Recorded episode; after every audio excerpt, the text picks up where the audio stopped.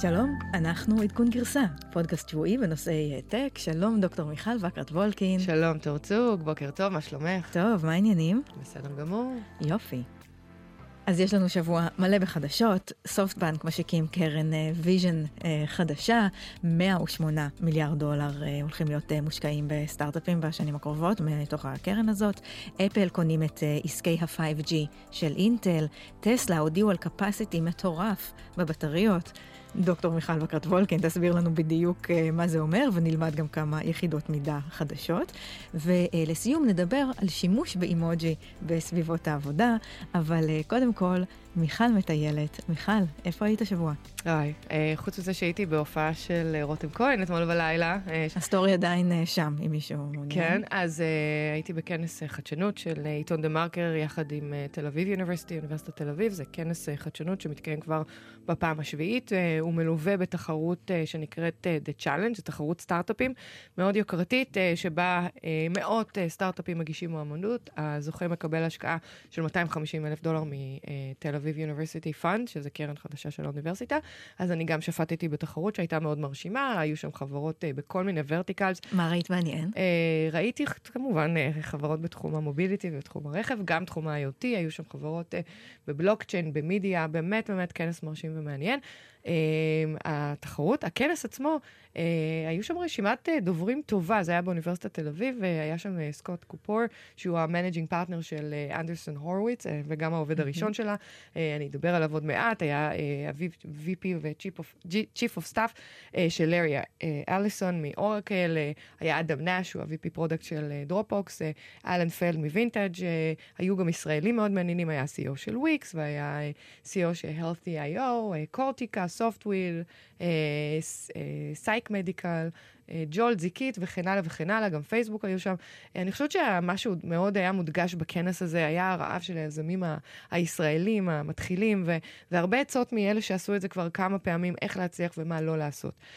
אבל ההרצאה הכי מעניינת לדעתי, שזה הפאנל שאלן פלד ראיין את סקוט קמפור מאנדרסון הורוויץ, רק למי שלא מכיר, זוהי קרן של עשרה מיליארד דולר, קרן אמריקאית מהסיליקון וואלי, סקוט הוא העובד הראשון שם, הוא ניהל את הקרן במשך עשר שנים, באמת עשה שם הכל. הוא הגיע מ-HP, ותמיד נורא מעניין להבין מאיפה האנשים המוכשרים האלה, מהקרנות הון סיכון מגיעות, אז הוא הגיע מ-HP, הוא היה שם אקזקיוטיב אחרי שהוא נכנס uh, כחלק מרכישה uh, של חברה uh, ב, uh, בסך של uh, 1.6 מיליארד דולר. Uh, עכשיו, הקרן אנדרסון הוריד זה משקיע בכל שלבי, uh, השלבים של הסטארט-אפים, מ-seed ועד late late stage, אבל בתנאי שיגיעו להיות uh, צפי של יוניקורן. Uh, הם מסתכלים על הרבה על תחומים של Software Enterprise, uh, יש להם קרן ביו של 650 מיליון, קרן קריפטו של 350, באמת זה סכומים מטורפים, ואנחנו קצת דיברנו על, על תעשיית ה-VCs uh, בעולם, הם, הם לא משקיעים כל כך בישראל, זאת אומרת, זה לא שהם פוסלים את ישראל, אבל, אבל השוק קטן עליהם, החברות בארץ בדרך כלל לא מגיעות להיות uh, יוניקורניות כאלה גדולות.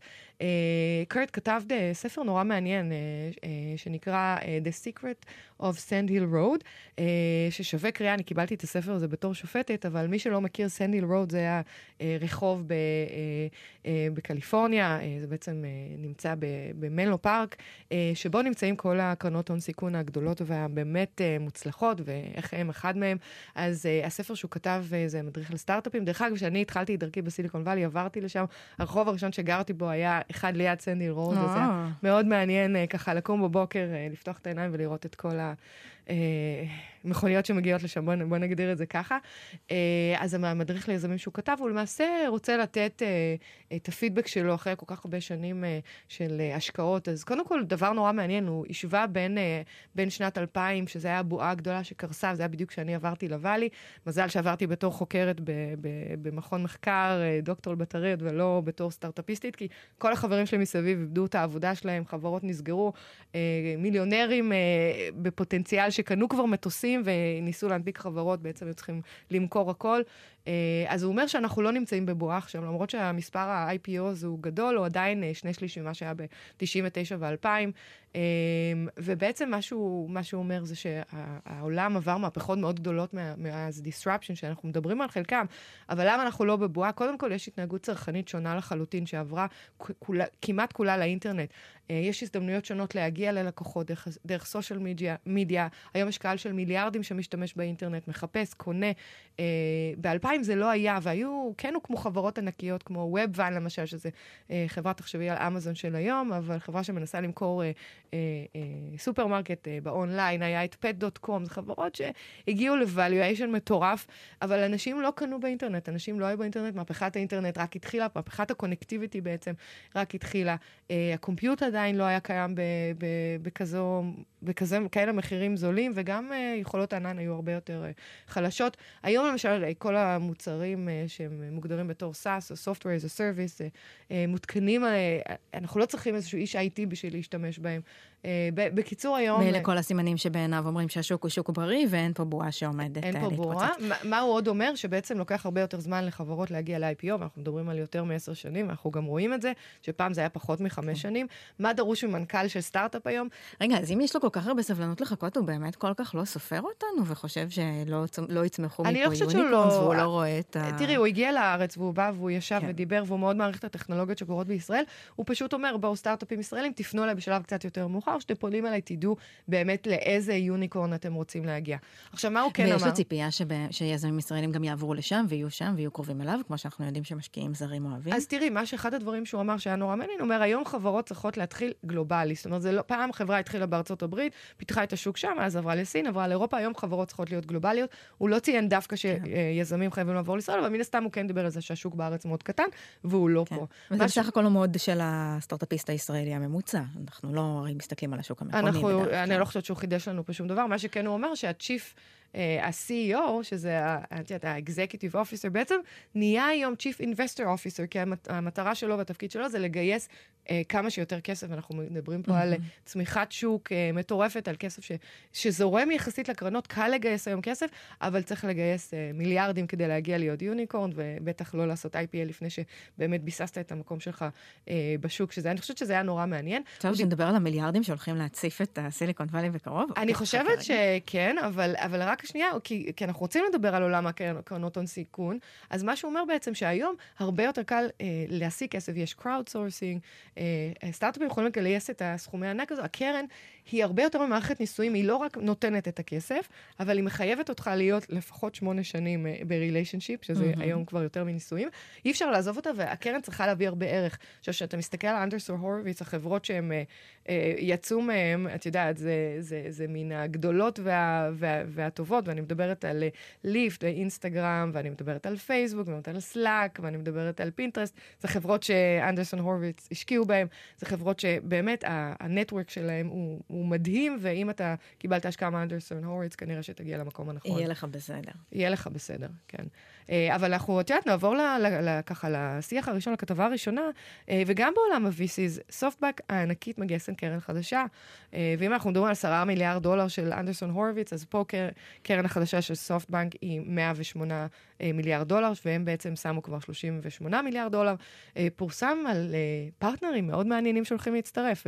תור, מה, מה קראת? כן, הם באמת לוקחים את המונח של aggressive growth למקומות חדשים, זרקו שם כל מיני שמות של משקיעים פוטנציאליים, אפל אה, וגם מייקרוסופט אה, ואיזה קרן מקזחסטן. בינתיים יש זיכרון דברים רק עם אה, כמה מוסדות פיננסיים זה... יפנים, ובאמת ההתחייבות של סופטבנק זה יוצא מה? דופן, כי אני לא קראתי שהסעודים נמצאים בפנים, שהסעודים שמו לדעתי משהו כמו 40...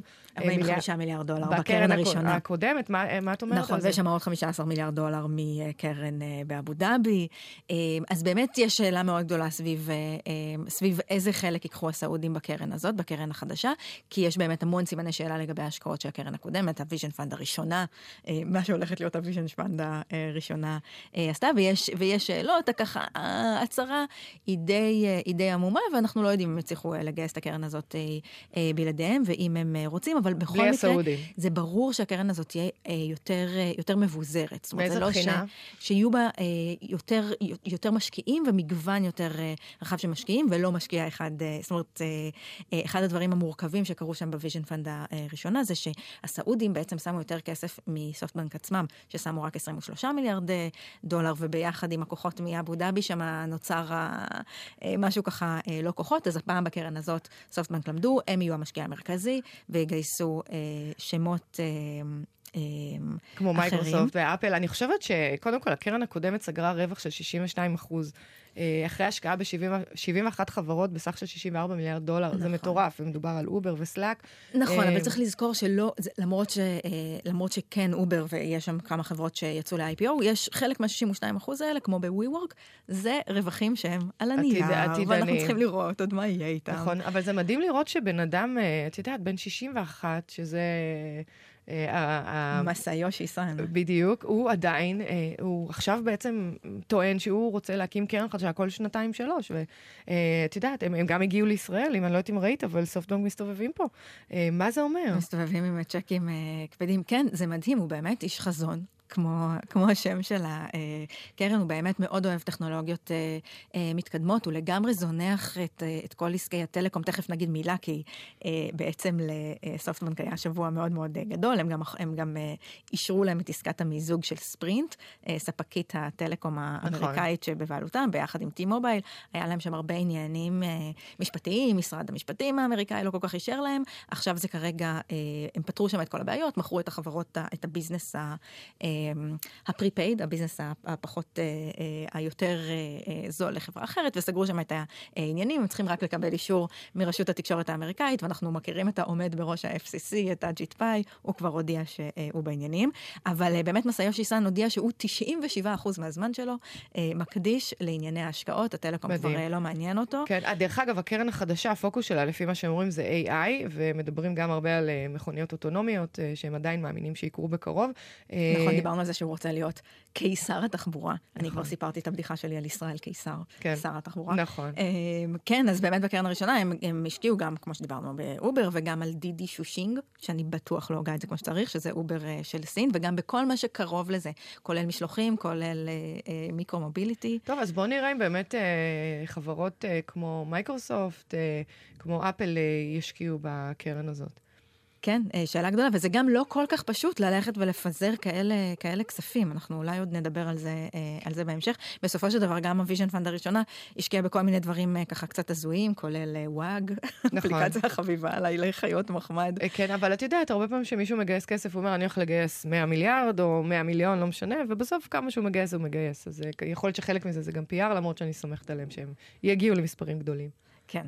טוב, אה, יש אה, התפתחות בעניין המשולש הרומנטי, אפל, אינטל, קוואלקום, דיברנו על זה הרבה בענייני אה, עסקי ה-5G, ואפל באמת קונה את הקניין הרוחני ואת העובדים של אינטל, שמפתחים את המועדם של ה-5G, זה מה שנקרא Acqui-Hire. זו בעצם רכישה שהיא בעיקר סביב הטאלנט וסביב המוחות שמפתחים את מה שרוצים לקנות, בסכום שווה לכל נפש, מיליארד דולר בסך הכל. שזה כלום, תקשיבי, זה ממש... ממש אה, סוכריה בשביל אה, אינטל, ובאמת הם... בשביל אפל, הרוכשת. בשביל אה, אפל, סליחה, לא בשביל אינטל. בעצם, רק להזכיר לכם, לפני כחודש אינטל הודיע שהם יוצאים משוק ה-5G אחרי שהם כשלו לספק את הסחורה לאפל. הם מפסידים, מפסידים כמיליארד דולר בשנה על החטיבה הזאת. עכשיו, אפל תבע את אינטל. למעשה, אפל הודיע שהם לא ייכנסו ל-5G בטלפונים הסלולריים עד 2021, 2022, והסיבה הייתה שאינטל, שהייתה אמורה לספק להם את הסחורה, לא הצליחה להגיע בזמן אה, למוצר שהוא קומפטטיבי, שהוא תחרותי. אה, התביעה לפני חודש הוסדרה בפתאומיות. אה, אה, אפל אה, הסירה את התביעה, ועכשיו אנחנו מגלים בעצם למה. Mm-hmm. אה, כי זה בעצם, אה, היא ידעה כנראה שהיא תוכל לרכוש את, ה, אה, את הזכויות פה. אה, כמו שאמרתי, ממש בוטנים וסוכריות לאפל. אני חושבת שהשאלה העיקרית, האם אפל באמת תצליח אה, ותוכל אה, לייצר צ'יפים, אה, והאם היא תעשה את זה בזמן כדי להתחרות עם סמסונג וכל השאר. בואו לא נשכח שאת הנזק שנעשה פה, כמו שאמרתי, אפל היא ב delay, אין לה טלפ... בטלפונים החדשים של ה-5G. בעצם באפריל אה, אינטל הודיעו שה business הזה הוא לא רווחי להם יותר, ומאז אה, מחפשים קונה. יש פה קצת, אה, אני לא רוצה להשתמש במילה בריוני, אבל בעצם הלקוח שלהם היה אפל, וחלק מהסיבה שזה לא רווחי זה כי אפל הם גם מאוד מאוד קשוחים בתור הלקוח, והם בעצם סידרו לעצמם את תנאי השוק המדהימים מדהים. לעסקה המדהימה זה הזאת. נכון, נכון, וזה קצת tricky. אני פעם הייתי בחברה שהיא ספקית גדולה לאפל, ובאמת לעשות איתם business זה, זה כמעט בלתי אפשרי, והם גם יכולים לבטל לך ברגע האחרון אחרי שעבדת חמש שנים על אה, באמת פיתוח של איזשהו מוצר. אז את יודעת, אני לא יודעת פה מי, את מי להאשים. אינטל uh, כשלה בכל uh, תחום המוביליטי, היא בעצם הייתה תמיד אחרונה להגיב, ואנחנו רואים שהיא מנסה לתקן את זה בתחום של AI, Edge Computing ו- ורכב, ברכישות שעשתה לאחרונה. אני מאוד מקווה שהם יצליחו. נחזיק להם אצבעות. תגידי, אם הייתי נותנת לך עכשיו צ'ק של מיליארד דולר, על מה היית שמה? על ה-5G של אינטל או על אינסטגרם? שאלה טובה. וואי, אין לי תשובה, תני לי לחשוב על זה. טוב, טסלה נותנים אה, גז עם ייצור הבטריות. אילון מאסק הודיע שהם הולכים לייצר בטריות בעצמם במפעל בקפסיטי של ייצור הרבה הרבה יותר אה, אה, גדול. הם עוברים מגיגה וואט שעה לטרה שעה, שאין לי מושג מה המידות האלה אוקיי. אומרות, אנחנו חייבים שתעשי לנו בזה סדר. אוקיי, אז קודם כל, תני לי קצת לתת רקע. השאלה הגדולה היא האם טסלה באמת מרחיבה את עסקי הבטריות שלה. כמו שאתם יודעים, היום היא מייצרת במפעל שלה באריזונה בטריות לרכבים חשמליים. היא למעשה מייצרת, או במפעל מיוצרים גם התאים. הגיגה פקטורי המפורסם שלהם ביחד עם פנסוניק. בדיוק, מיוצרים גם התאים וגם הפאקס. איך מייצרים בטריה לרכב? קודם כל מייצרים תא שהוא קטן יחסית, זה כמו, זה נקרא 18650, זה כמו בטריה שאתה שם בשלט, לכל, לכל device אפשרי אחר. בתוך, בתוך כזו בטריה של רכב חשמלי, בתוך בטריה גדולה של רכב חשמלי, יש אלפי יחידות קטנות של תאים. אבל בעצם כדי לייצר את הבטריה, אתה קודם מייצר את התא, ואז אתה צריך לארוז אותו. עכשיו, כדי לארוז אותו, אתה צריך לחשוב על כל מיני בעיות שיכולות להיות, כמו חימום יתר, כמו ריאקציה, כמו תא שנכשל, אתה צריך לארוז בצורה מאוד חכמה, אתה מוסיף קירור, אתה מוסיף uh, שליטה שהיא ממש, uh, הייתי אומרת, מבוססת AI, שיכולה לנבות איזה תא ייכשל ואיך אפשר לבודד אותו במערכת. בקיצור, האריזה היא לא פשוטה, ומה שהייחודיות של טסלה זה שהיא בעצם לקחה את כל התהליך הזה של הייצור וה... האריזה, אה, אה, מהשלב שבעצם יש את ה...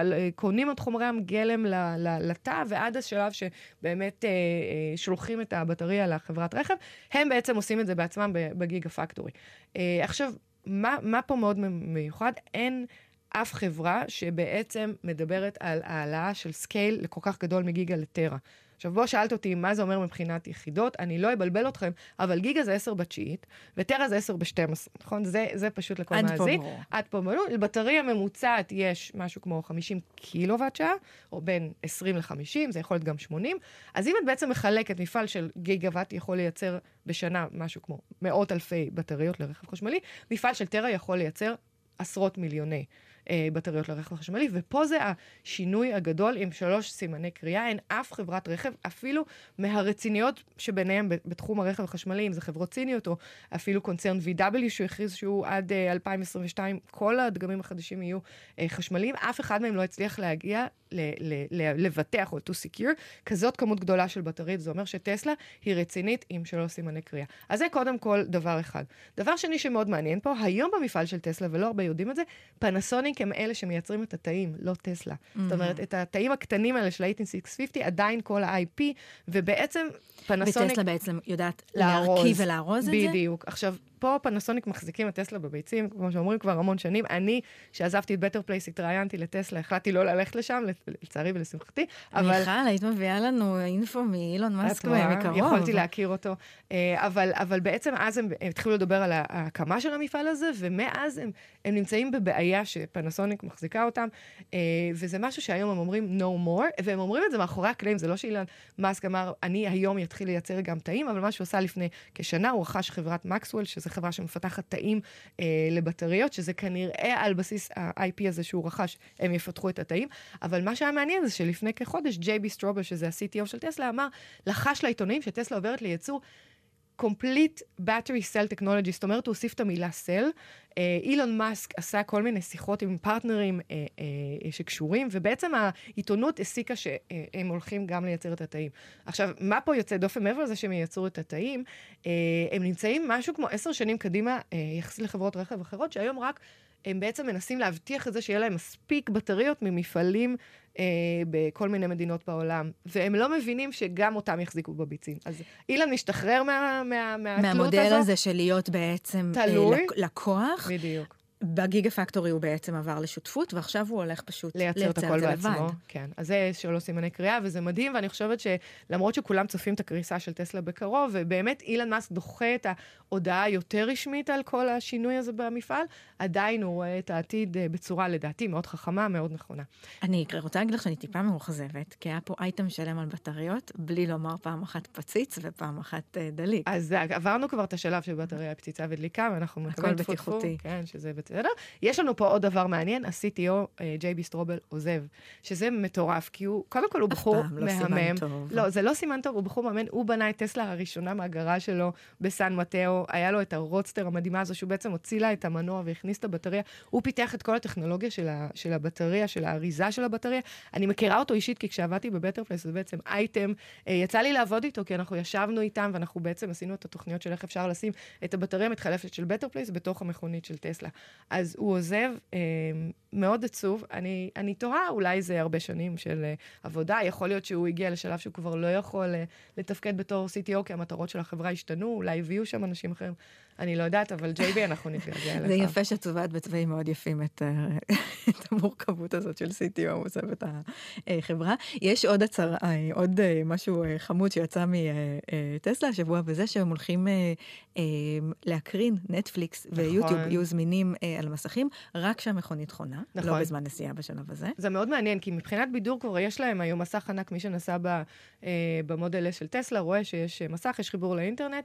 היא חשפה טסלה ב... ב-E3, בכנס E3 של הגיימרים, שהיא מפתחת אה, לרכב משחקים שהם בסגנון אטארי, אה, כל מיני Pole Position, Missile Command, Tempest. ושההגה יהיה ה controller של המשחק. בדיוק, ויהיה אפשר גם לשחק שח דרך אגב. המשחק, אבל כמו שאמרתי, יהיה אה, זמין כשהרכב חונה. חשוב לציין שהרשויות, אה, גם בארץ, בכל העולם, לא מרשות לשחק בנהיגה, הן לא מרשות בכלל לגעת בטלפון, וכשעצר אותי השוטר שבוע שעבר, התווכחתי איתו, אמרתי לו, תקשיב, אבל הכל הולך לכיוון של טאץ' בסקרין, ואנחנו כן נוכל, הוא אומר, אסור, אסור, אסור. זה היה שוטר של ההווה, לא שוטר של העתיד. זהו, שוטר אה, לא, לא מסכים, סליחה, אה, סליחה, לא אמרתי כלום. אה, אז השאלה היא פה, קודם כל, אז מה זה אומר? אז אסור לשחק בנהיגה, אז, אז האם אילן מאסק פה מגשים איזושהי פנטזיה אישית שהוא בונה משחקים לרכב, או, או שבאמת הוא בונה על זה שעוד מעט יהיה רכב אוטונומי, ואז השוטרים, זאת אומרת, מבחינה רגולטורית, כן יהיה אפשרי. אז יש לי פה עוד אייטם. אז מיכל תגיש ערעור על ה... על הדוח, לא, אני בדיוק צריכה לשלם אותו. אז, יש לי כאן עוד איזשהו אייטם. אילן מאסק הוא... גיימר כבד, הוא מאוד מאוד אוהב משחקי מחשב, אז יכול להיות שזה גם פנטזיה. את יודעת מה בדיוק? מה הוא משחק? אני, זה אני לא יכולה לדבר. אה, אז מה החידוש, מה החידוש פה בעצם, אה, הוא אומר שהוא מוסיף יוטיוב וגם נטפליקס, אה, אז, אז זה אומר שאתה תוכל בעצם אה, להשלים אה, פער בפרק שראית אתמול בלילה ונרדמת על הספה, וזה אף פעם לא קורה לי. זה לא מפתיע, כי המסך הוא גדול כמו שאמרתי, אבל מה שכן מפתיע פה זה בעצם להכניס את גוגל ואת נטפליקס לתוך הרכב. זה משהו שחברות הרכב, את יודעת, כל החברות הרכב הטרדישיונל, לא טסלה, מאוד חוששות ממנו, כי הן מאבדות איזושהי שליטה בדאטה של הנוסעים ברכב, ובעצם זה אוצר גלום, זה אוצר גלום לכל חברות הטק בארץ, אה, בעולם, סליחה, גוגל, אפל, אמזון, כולם מנסים, אה, פייסבוק, כולם מנסים להיכנס לרכב כדי לקבל את ה data הזה של, של, של הנוסעים ברכב ובעצם למכור להם אה, שירותים. אז אנחנו למשל, אה, Lear, קנינו חברה שנקראת Xevo, שבעצם היא ה marketplace לנוסעים ברכב. בעצם היא מספקת את כל השירותים האלה בלי, בלי הצורך להכניס עוד חברות טכנולוגיות אחרות. אבל אני חושבת שבאמת השאלה הגדולה היא, אם אני מסיעה את הילדים שלי לחוג, אז אני באמת אשב ויחכה להם ואני אוכל לראות פרק, אני חושבת שזה נורא נחמד, אבל יחסית ה-use case הוא קטן פה, אני חושבת שבעתיד זה יהיה הרבה יותר רציני. טוב, אז אה, לסיום, אה, אה, בעצם אנחנו מדברים פה על אה, יכולות אה, להכניס אימוג'ים לצ'אטים של אה, חברות. מה את אומרת על זה, תור? כן, אז מסתבר שזה טרנד חדש בתוך, אה, אה, בתוך אה, כלים ארגוניים, ובאופן כללי בתוך תקשורת ארגונית, להשתמש באימוג'י, ארגונים מעודדים את העובדים להשתמש בזה, בתוך, גם בתוך Slack וגם בתוך Teams של מייקרוסופט, יש אפשרויות מובנות להגיב על, על, על, על הודעות ארגוניות כן. ועל, ועל צ'אטים באימוג'י. אז יש כל מיני פרצופים שמגדירים מצבים, לפי מה שהבנתי בסלאק למשל, משתמשים בטדי בר שמחבק אחרי סיכום פגישה קבוצה, ומי שלא שולח את את, הטדיבר הזה, אז חס וחלילה. אה, והמשמעות היא הייתם נהדרים בפגישה, עכשיו תמשיכו בנקסט סטפס. אה, יש סמלים שמעוצבים למעשה מוכתבים על ידי המנהל. אה, אם יש עובד חדש שמגיע ועושה איזה, איזה עבודה טובה, אז הוא מקבל איזשהו פרצוף סמיילי מכל שאר חברי הקבוצה. עובד שתקשיר, שצריך לתקשר עם מישהו שהוא לא מכיר, שולח לו איזשהו אימוג'י של, אוי, אני רוצה להכיר אותך אישית, אבל אין לי זמן עכשיו לסמולטוק. מסתבר שהמוח שלנו רואה אימוג'י בצד שבו הוא רואה פרצופים, וזה מעורר רגשות ובעצם מסייר בעבודה. אני חושבת שיש פה בעצם שינוי מאוד גדול אצל האמריקאים. הם עוברים תהליך של בעצם פרסונליזציה בעבודה, הם בדרך כלל לא נמצאים שם. הם הרבה יותר straight, הם הרבה יותר straight forward בביזנס, ופחות מחפשים את המקום הרגשי הזה, ואני חושבת שיש פה שינוי שהוא לא רק שינוי טכנולוגי, הוא גם שינוי uh, culture. כן, אז באמת, אז, אז באמת כל המחקרים מראים דברים מאוד מאוד חיוביים מבחינה רגשית על הדבר הזה, ויש פה באמת עניין תרבותי, שכל השיח המחקרי נעשה בארצות הברית, שזו אומה ללא ציניות, אני לא יודעת כמה זה היה עובד אצלנו. עד כאן עדכון גרסה להשבוע, תודה רבה דוקטור מיכל בקרת וולקין. תודה רבה שהייתם פה, תודה לגלי צה"ל. תודה לנבות וולקה, העורך שלנו, נתראה שבוע הבא.